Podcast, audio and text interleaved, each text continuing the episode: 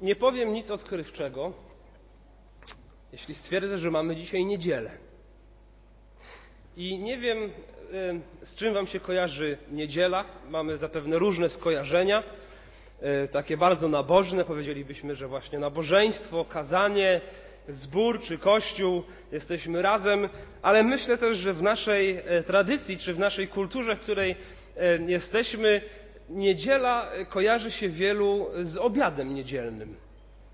Prawda? Obiad niedzielny jest szczególnym obiadem, kiedy rodzina faktycznie zazwyczaj siada razem i, e, i e, tak jak w tygodniu różnie to bywa, to, to w niedzielę razem siadamy do tego posiłku. I być może to jest trywialny przykład, ale myślę, że bardzo ważny, że tym, aby zrobić dobry niedzielny obiad, potrzebny jest dobry przepis. I jeśli chcemy, aby ten obiad był smaczny, to tego przepisu trzeba się trzymać. Mnie się czasami e, zdarza, jak żona mnie poprosi o, o przygotowanie obiadu, to ja chętnie do tego e, podchodzę, ale kilka razy zdarzyło nam się wyrzucić ten obiad. No taki mam talent, jaki mam i zawsze tak mnie korci, że ja trochę wiem lepiej od tego, kto ten przepis napisał i coś tam bym dodał, coś tam bym odjął i często z tego nic nie wychodzi. Więc jak ma być dobry obiad, trzeba trzymać się e, przepisu, bo autor, który to obmyślił, spisał to i dał ludziom ten przepis, aby oni się cieszyli dobrym jedzeniem. I znowu, być może to trywialny przykład, ale jeśli spojrzymy na nasze życie jako pojedynczych ludzi, jako pojedynczych chrześcijan, i jeśli spojrzymy na nasze życie jako zbór czy jako kościół, jeśli nie będziemy postępować według przepisu, który spisał autor tego życia i tego kościoła, nigdy nie będziemy w dobrym miejscu. Takim przepisem, a nawet czymś znacznie wspanialszym i większym jest Słowo Boże. I być może to, co, o czym dzisiaj będę mówił, nie będzie dla wielu z Was niczym odkrywczym, bo chcę mówić o ważności Słowa Bożego w życiu Kościoła i w życiu codziennego człowieka, i w życiu każdego pojedynczego człowieka. Być może to nic odkrywczego, ale jednak jeśli sobie regularnie tego nie będziemy przypominali, jeśli regularnie nie będziemy um, kierować do tej naszej duszy, nie będziemy sobie um, przypominać tego, jak ważne jest Słowo Boże, to myślę, że często w natłoku codziennego dnia można o tym zapomnieć. Więc dzisiaj w tej serii Zdrowy Kościół chciałbym właśnie mówić o fundamencie Słowa Bożego w życiu Kościoła, w życiu zboru i w życiu każdego pojedynczego człowieka. Chciałbym Was zaprosić do Ewangelii Świętego Jana, rozdziału 17. Rozdział 17 to myślę, że taka znana modlitwa, tak zwana arcykapłańska modlitwa Jezusa. Składa się ona z 26 wersetów, nie będziemy czytać wszystkich. I jest dosyć trudna, jest dosyć zawiła, e, jeśli ją tylko tak sobie raz przeczytać. Ale gdybyśmy analizowali każdy werset, to zauważylibyśmy, że Jezus modli się o swoich uczniów głównie o takie dwie dziedziny. Po pierwsze o to, aby byli oni jedno, tak jak On i Ojciec w niebie są jedno. I o tym będę mówił następnym razem. A po drugie, modli się o to, aby oni trwali w Słowie. Aby oni trwali w Słowie, które jest prawdą, w Słowie Bożym. I o tym chciałbym dzisiaj mówić. Więc to modlitwa Jezusa o Jego uczniów, e, o ich e, między innymi trwanie w Słowie Bożym. Będę czytał e, od wersetu 6 do wersetu 20. Ewangelia świętego Jana, rozdział 17. Objawiłem imię Twoje ludziom, których mi dałeś ze świata. Twoimi byli i mnie ich dałeś i strzegli słowa Twojego. Teraz poznali, że wszystko, co mi dałeś, od Ciebie pochodzi Albowiem dałem im słowa, które mi dałeś, i oni je przyjęli i prawdziwie poznali, że od Ciebie wyszedłem i uwierzyli, że mnie posłałeś. Ja za nimi proszę. Nie za światem proszę, lecz za tymi, których mi dałeś, ponieważ oni są Twoi. I wszystko moje jest Twoje, a Twoje jest moje, i uwielbiony jestem w nich. I już nie jestem na świecie, lecz oni są na świecie, a ja do Ciebie idę. Ojcze Święty, zachowaj w imieniu Twoim tych, których mi dałeś, aby byli jedno jak my.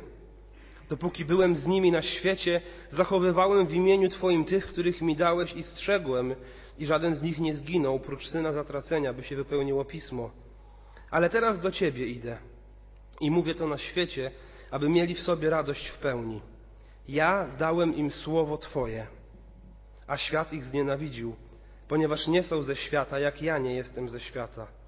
Nie proszę, byś ich wziął ze świata, lecz abyś ich zachował od złego. Nie są ze świata, jak i ja nie jestem ze świata. Poświęć ich w prawdzie Twojej, słowo Twoje jest prawdą. Jak mnie posłałeś na świat, tak i ja posłałem ich na świat i za nich poświęcam siebie samego, aby i oni byli poświęceni w prawdzie. A nie tylko za nimi proszę, ale i za tymi, którzy przez ich słowo uwierzą we mnie. Panie nasz Boże, raz jeszcze podczas dzisiejszego nabożeństwa chcę przyjść do Ciebie w modlitwie i prosić Ciebie o to, byś błogosławił to rozważanie.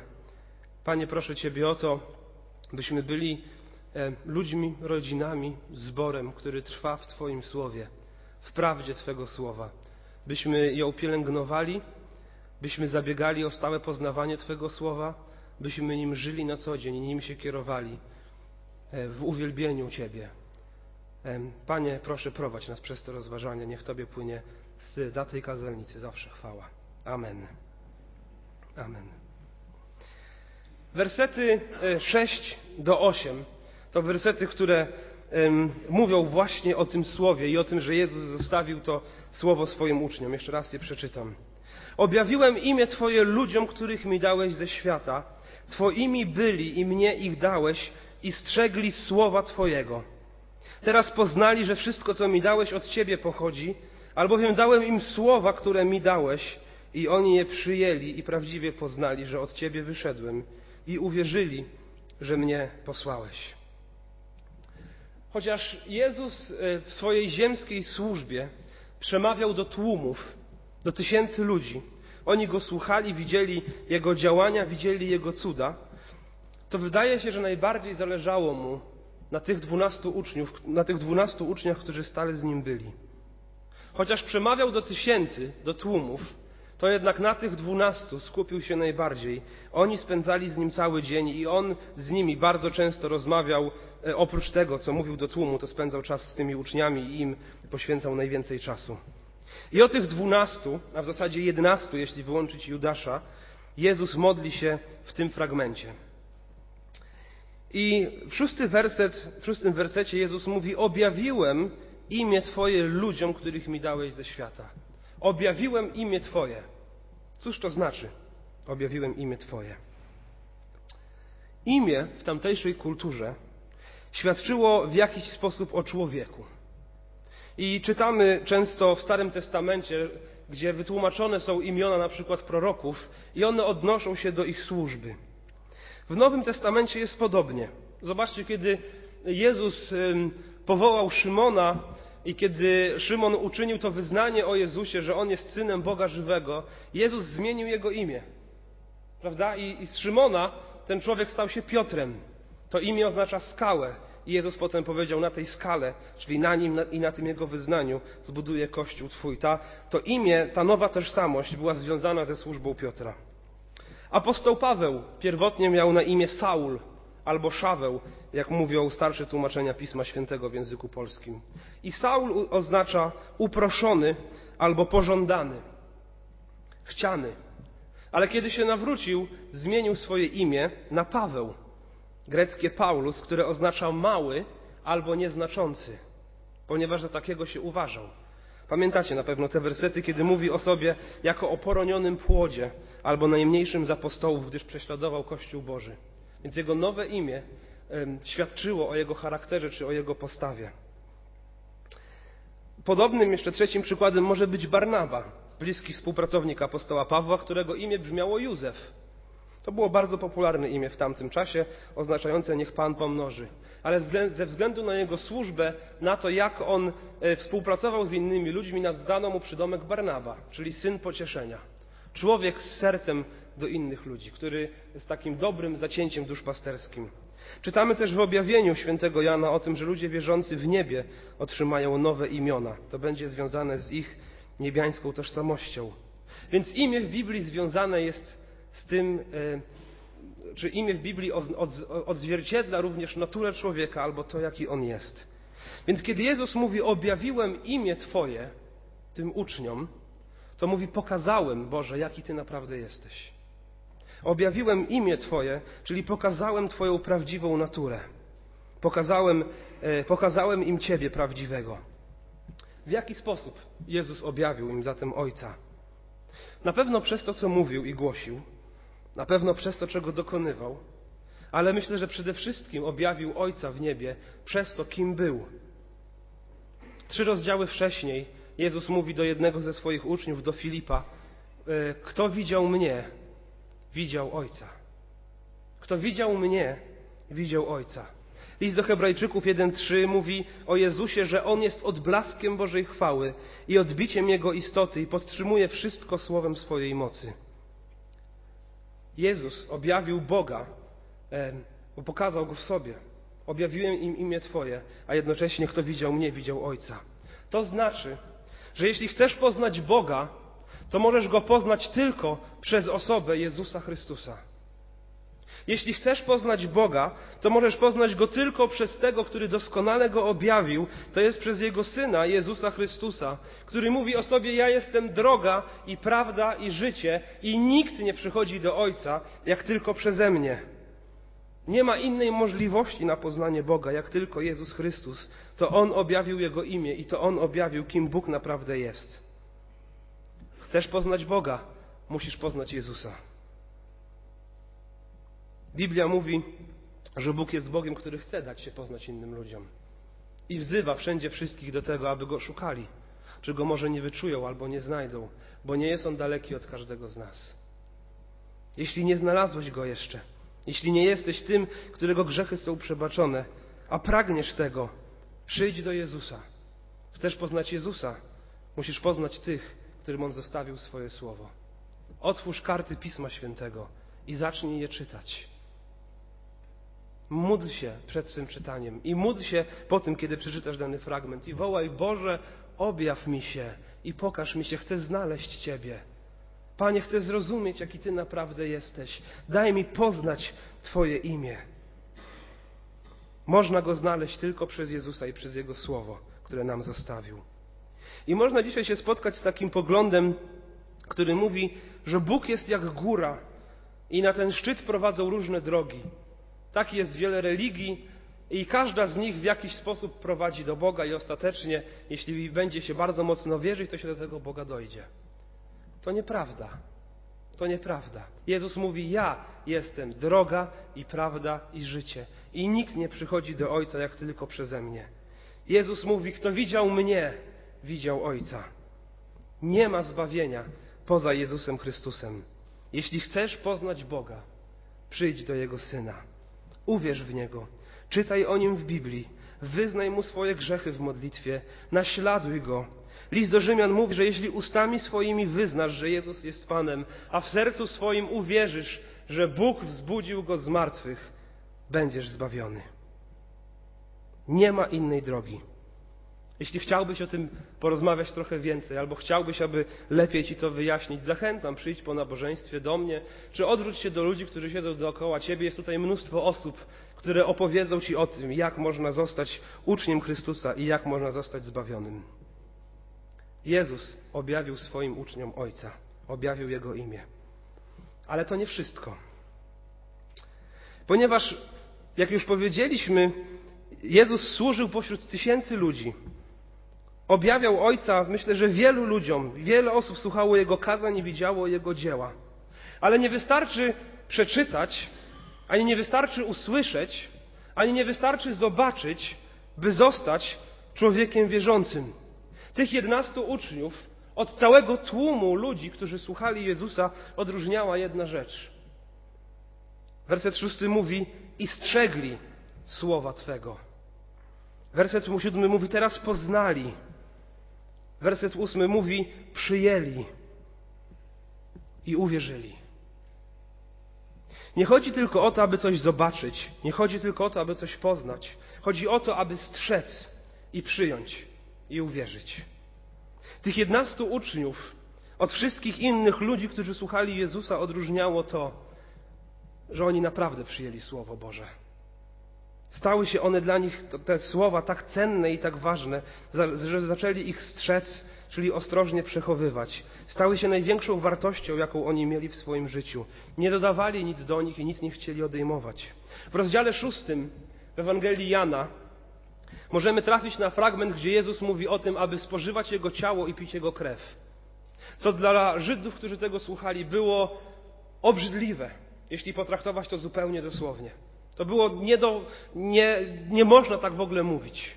Chociaż Jezus nie miał na myśli fizycznego jedzenia Jego ciała ani picia Jego krwi, e, to, o czym mówił w sensie duchowym, oznaczało, że Jezus chce być ich codziennością. On składa ofiarę za tych ludzi.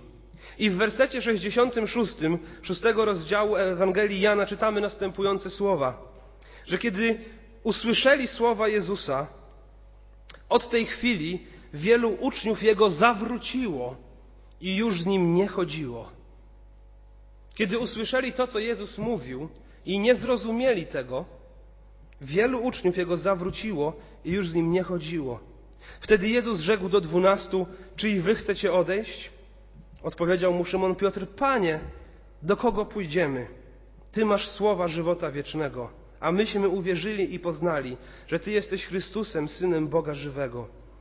Jezus odpowiedział im, czy nie dwunastu was wybrałem, ale jeden z was jest diabłem. I mówił o Judaszu, synu Szymona z Kariotu, bo ten miał go wydać, a był jednym z dwunastu. Wielu uczniów słuchało słów Jezusa, ale wie, dla wielu to było nie do przełknięcia. Mówią, nie, nie mogę tego słuchać. Trudna to mowa i ciężka do przyjęcia. I tych jednastu od wszystkich innych odróżniało to, że oni potraktowali to poważnie i mówią, Panie, gdzie my pójdziemy? Gdzie my pójdziemy? Ty masz słowa żywota wiecznego, z Tobą chcemy być. Nie tylko słyszeli, ale zachowali to słowo, przyjęli to słowo, uwierzyli temu, co mówił Jezus. I ci apostołowie wraz z ich najbliższymi współpracownikami przekazali nam te słowa, które mówił im Jezus. Przekazali nam słowa, które przekazywał im Bóg. Cztery razy w tym fragmencie jest mowa o tym, że Jezus przekazał im Słowo Boże, a potem czytamy o tym, że oni przekazali je dalej. Ewangelia Mateusza i Ewangelia Jana zostały spisane przez apostołów. Ewangelia Marka spisana przez najbliższego współpracownika apostoła Piotra. Ewangelia Łukasza i dzieje apostolskie spisane przez jednego z najbliższych współpracowników Pawła. Trzynaście listów apostoła Pawła. Trzy listy i Księga Objawienia autorstwa apostoła Jana, tego od czwartej Ewangelii. Dwa listy apostoła Piotra. List Judy i list Jakuba. To też listy apostolskie. I list do Hebrajczyków przypisywany Pawłowi lub komuś z jego bliskiego otoczenia. To łącznie 27 ksiąg Nowego Testamentu. To Słowo Boże, które zostało przez Ducha Świętego przekazane tym apostołom. Temu Słowu Bożemu ufamy i na tym Słowie Bożym możemy się oprzeć. To jest przekaz apostolski, na fundamencie którego stoimy. To jest przekaz słów Jezusa. Jeśli chcesz go poznać, weź do ręki tę księgę. Pomódl się, Panie, objaw mi się i daj mi się poznać. A potem czytaj i czytaj i czytaj. I módl się, Boże, pomóż mi zrozumieć to, czego nie rozumiemy. Panie, niech to się stanie moją codziennością. Panie, niech to się stanie żywym słowem, które przemienia całe moje myślenie, które przemienia moją duszę, które przemienia mój umysł. Panie, chcę Ciebie zrozumieć. Panie, chcę poznać Twoje imię. Panie, chcę w Ciebie uwierzyć. Panie, rozjaśnij to przede mną. Panie, potrzebuję to zrozumieć. Módl się i wołaj i szukaj odpowiedzi. A jak czytaliśmy w Psalmie 19, król Dawid napisał: Jego słowo jest słodsze niż miód, nawet najwyborniejszy. Jego słowo jest bardziej drogocenne niż złoto. To znaczy, jeśli miałbym do wyboru złoto albo Słowo Boże, wybieram Słowo Boże. Takim ono jest. I kiedy zaczniesz modlić się z wiarą i czytać, to nie są to tylko litery składające się w wyrazy, a wyrazy w zdania, ale jest to Słowo Boże, przemieniające człowieka całkowicie jeśli on je przyjmie, jeśli temu uwierzy, jeśli strzec będzie tych słów. Jezus objawił Boga uczniom. Oni to rozpoznali, przyjęli, uwierzyli. I dzięki ich posłuszeństwu i Bożemu działaniu, my również dzisiaj mamy Słowo Boże spisane w tej księdze. Może ona być dla Ciebie zwykłą książką, która leży na półce, ale może też stać się sednem Twojego życia, codziennym chlebem, treścią tego życia, jego kompasem prowadzącym do Boga, drogowskazem, Więc jeśli chcesz znać Boga, możesz poznać Go przez Syna. Jeśli chcesz znać Syna, poznasz Go przez Jego Słowo. Ale nie chodzi tylko o to, by przeczytać. Chodzi o to, by następnie zacząć czynić to, co jest tutaj napisane. Nie chodzi tylko o to, by posiadać wiedzę biblijną. Chodzi o to, by przekuć ją w czyny. Dzieliłem się kiedyś z Wami pewnym obrazem, który przypomnę raz jeszcze. Obraz, który wydaje mi się, że dobrze odzwierciedla, kim są ludzie, którzy tylko poznają to słowo, ale nim nie żyją. Czasami w telewizji można spotkać, obejrzeć jakieś reportaże o takich ludziach, którzy są bardzo otyli, którzy ważą po kilkaset kilogramów, którzy leżą gdzieś na materacach, dookoła nich jest mnóstwo ich ciała, nie mogą się sami poruszać, nie mogą już w zasadzie chodzić i cały czas chcą jeść i cały czas są karmieni i cały czas rosną i cały czas w zasadzie czekają na śmierć. Myślę, że podobnie jest, jeśli jesteśmy tylko słuchaczami słowa, ale nie jesteśmy jego wykonawcami. Kiedy przyjmujemy te zdrowe kalorie słowa Bożego, ale ich nie spalamy, to wyglądamy jak ci ludzie, którzy są bardzo obiedzeni. I cóż z tego, że są obiedzeni, jeśli nie potrafią w ogóle funkcjonować? I tak naprawdę to jedzenie, które ma być odżywcze, staje się bronią samobójczą. Jezus mówi w Ewangelii Mateusza, siódmym rozdziale, 26 wersecie, a każdy, kto słucha tych słów moich, lecz nie wykonuje ich, przyrównany będzie do męża głupiego, który zbudował swój dom na piasku.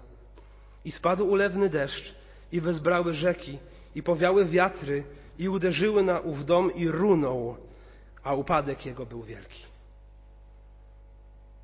Znać Słowo Boże ale nim nie żyć wedle tego wersetu, to głupota. Każdy, kto słucha tych słów moich, lecz nie wykonuje ich, przyrównany będzie do męża głupiego. I wydaje mi się, że to jest dla nas realne zagrożenie. Mamy grupy biblijne, mamy, mamy zborową szkołę biblijną, mamy kazania ekspozycyjne, to jest zawsze główny element naszych nabożeństw. Zachęcamy do tego, by czytać Słowo Boże ale drodzy, jeśli zatrzymamy się tylko na zdobywaniu jakiejś wiedzy, a to nie będzie wpływało na nasze życie, to Jezus mówi: Jesteśmy głupi. Przyrównany będzie do męża głupiego, który zbudował swój dom na piasku. Spadł ulewny deszcz, wezbrały rzeki, powiały wiatry, uderzyły w ów dom i runął, a upadek jego był wielki. Znać Słowo Boże to również przekładać się na swoje codzienne życie, na swoją rodzinę, na swoje poglądy, na to, w jaki sposób pracuję w miejscu, w którym postawił mnie Bóg, na to, w jaki sposób angażuję się w zbór, na to, jak ten zbór jest prowadzony, znać Słowo Boże. To być człowiekiem, który wprowadza to Słowo Boże w życie. To oznacza bycie chrześcijaninem. W Ewangelii Jana 8:31 Jezus mówi: Jeśli wytrwacie w słowie moim, prawdziwie uczniami moimi będziecie. Jeśli wytrwacie w słowie moim, prawdziwie uczniami moimi będziecie i poznacie prawdę, a prawda was wyswobodzi. Bycie uczniem Jezusa to nie tylko pomodlenie się krótką modlitwą, powiedzenie Panie Jezus, baw mnie, chcę być już na zawsze z Tobą. To jest ważne, od tego się zaczyna. Ale prawdziwym papierkiem lakmusowym tego, czy jesteśmy prawdziwie uczniami Jezusa, to wytrwanie w Jego Słowie. To posłuszeństwo Jego Słowu. Jeśli odnieść to do zboru, do kościoła. To kościół, który mieni się kościołem apostolskim, ma być kościołem Słowa e, Bożego. To kościół, który śpiewa Boże Słowo. To kościół, który modli się Słowem. To kościół, który czyta i studiuje Słowo. To kościół, który poddaje swoje działanie Słowu Bożemu. I w tym wszystkim to kościół, który żyje tym Słowem zajmuje się tym, co mówi Słowo i jest zarządzany tak, jak mówi Słowo. W całości odzwierciedla model, który widzi w Słowie Bożym. Wczoraj mieliśmy tutaj spotkanie, na którym było około 20, może 25 osób. Rozmawialiśmy właśnie o działaniu naszego zboru. E, o tym, gdzie chcielibyśmy, aby ten zbór był za jakiś czas, w sensie jego działań, co robimy dobrze, co robimy źle. I rozmawialiśmy o tym, czy to, co robimy, jako zbór we wszystkich, nawet najmniejszych szczegółach oddaje Bogu chwałę. Wnioski były bardzo ciekawe. odnośnie działania zboru, odnośnie też nabożeństwa. Ale tym najważniejszym wnioskiem, do którego doszliśmy, to to, że jeśli mamy być posłuszni Bogu, jeśli mamy być tym kościołem, który uwielbia Boga, a przecież o tym śpiewamy i o tym mówimy, i to się przejawia prawie w każdej naszej modlitwie na nabożeństwie, jeśli ma być to kościół, który uwielbia Boga, to musi to być kościół posłuszny Słowu Bożemu. Uwielbienie to nie jakiś em, stan, w który wprowadza się człowiek, który śpiewa pieśni, chociaż tym również może być uwielbienie. Uwielbienie to jest posłuszeństwo Bogu. W jaki sposób być posłuszny Bogu? Czytać, co tu jest napisane i poddawać swoje życie temu słowu. A Pan Bóg będzie uwielbiony we wszystkim, co będziemy robić. Biblia to nie jest poradnik. Przeczytaj, weź to, co ci się podoba, zrób jak chcesz, może znajdziesz coś dla siebie. Biblia to jest instrukcja. Jak nie zrobisz tak, jak ona mówi, to zrobisz to źle. Czyli nie tak, jak obmyślił to autor. I Kościół, który nie będzie troszczył się o to, by być takim Kościołem, o jakim mówi Biblia, stanie się Kościołem cielesnym. I kiedy wchodzą do Kościoła rzeczy, które nie wynikają ze Słowa Bożego, to przestaje tam się pojawiać Ewangelia. Zostaje ona często ugłaskana. Jest to Ewangelia, w której nie mówi się o pokucie, nie mówi się o smutku z powodu grzechu. Ewangelia, w której nie ma mowy o wzięciu krzyża i naśladowaniu Jezusa, Przesłanie, w którym unika się słowa piekło, żeby tylko ktoś nie pomyślał, że go czymś straszymy. Więc nie jest to Ewangelia. A gdzie nie ma Ewangelii, tam nie ma i Ducha Świętego. A gdzie nie ma Ducha Świętego, tam nie ma nowego życia i nowego narodzenia. A gdzie nie ma nowego życia i nie ma nowego narodzenia, tam nie ma Kościoła. Upadek każdego pojedynczego zboru zaczyna się od tego, że albo przestaje on głosić Słowo Boże i głosi coś innego, albo przestaje on żyć tym słowem, które jest zgłoszone. Upadek tego domu jest murowany, jest zapewniony. I z jakiegoś powodu wydaje mi się, że żyjemy w takich czasach, gdzie tych zborów jest coraz więcej, coraz więcej grup nazywa siebie kościołami, że jest jakieś takie przeświadczenie, że jeśli zbierzemy grupę ludzi i w niedzielny poranek wstawimy ich do jakiegoś budynku, i tam się pojawi jakieś słowo Bóg albo Jezus, to to jest Kościół. To może być Kościół, ale to wcale nie musi być Kościół. Kościół poznaje się po tym, że ta grupa jest oddana całkowicie Słowu Bożemu. I tak samo jest i z pojedynczym człowiekiem.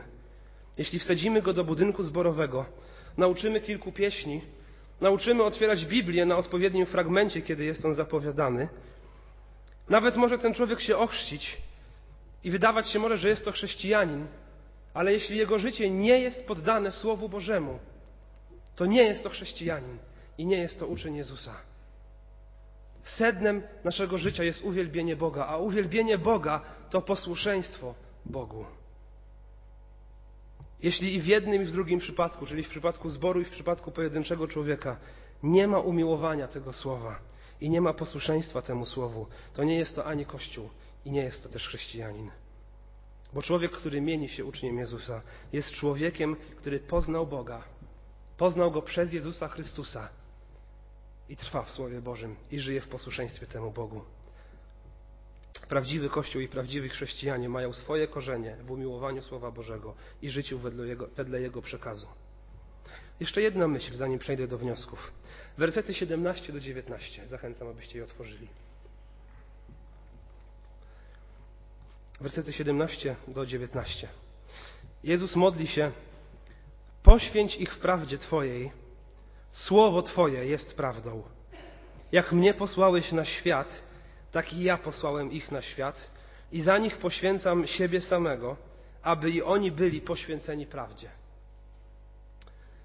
Jest to, uważam, że dosyć skomplikowany fragment, bo tu się pojawia to słowo poświęć, które mm, no, różnie można rozumieć. I tak jak w języku polskim, tak i w Grece słowo poświęć może oznaczać dwie rzeczy. Poświęć w sensie uczyń świętym, uświęć, to jest jedno znaczenie, albo poświęć jako przekaż do specjalnego zadania, tak, do, jakiegoś, do, jakiejś, do jakiegoś szczególnej misji.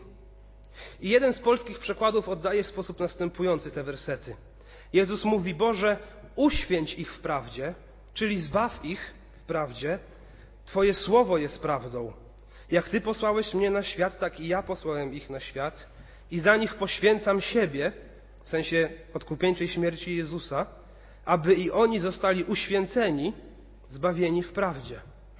Jeśli tak to potraktujemy, to to oznacza, ten fragment oznaczałby, że Słowo Boże, które jest prawdą, jest, powiedzmy sobie, kanałem czy drogą, przez którą Pan Bóg trafia do człowieka z Ewangelią i jednocześnie mamy ten werset, który jest między 17 a 19, gdzie Jezus mówi i ja posyłam ich na świat, jak Ty mnie posłałeś na świat.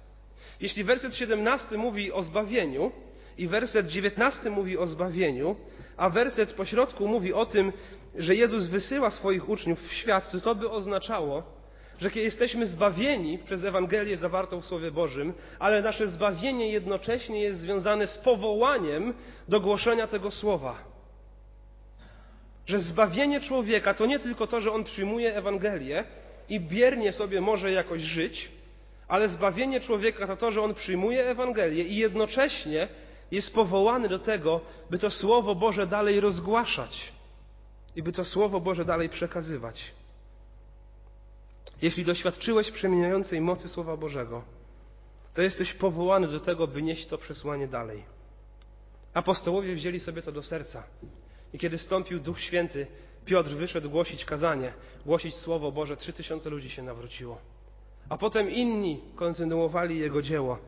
Apostołowie, ich współpracownicy, ale też prości ludzie. I Ewangelia zaczęła się rozprzestrzeniać po całym świecie. I efektem tego ich posłuszeństwa, czyli tego, że zostali zbawieni i jednocześnie rozumieli, że nierozerwalnie z ich zbawieniem wiąże się nakaz przekazywania Słowa Bożego, jest to, że my tutaj dzisiaj siedzimy. Że od dwóch tysięcy lat ta wiadomość jest przekazywana dalej. I my, jeśli jesteśmy zbawieni, jesteśmy wezwani do tego samego. Jesteśmy wezwani do głoszenia Słowa Bożego wszędzie tam, gdzie się znajdujemy.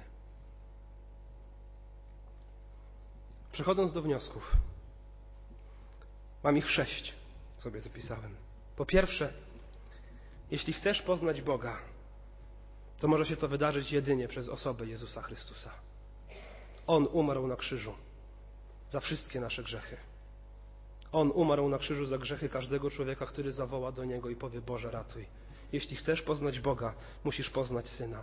Jeśli chcesz poznać Syna, otwórz Słowo Boże i zacznij je czytać i poddawaj Mu swoje życie.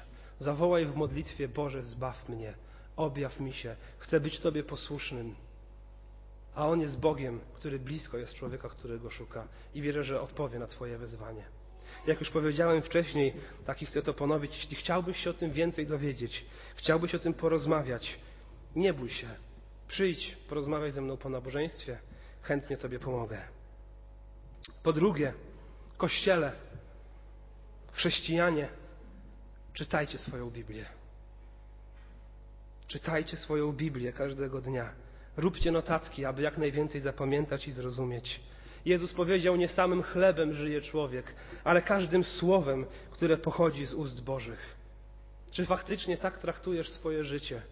I tak jak zabierasz się rano do śniadania, a potem do obiadu, a potem do kolacji i, i zjadasz pożywienie, aby móc normalnie funkcjonować, czy tak samo spożywasz Słowo Boże?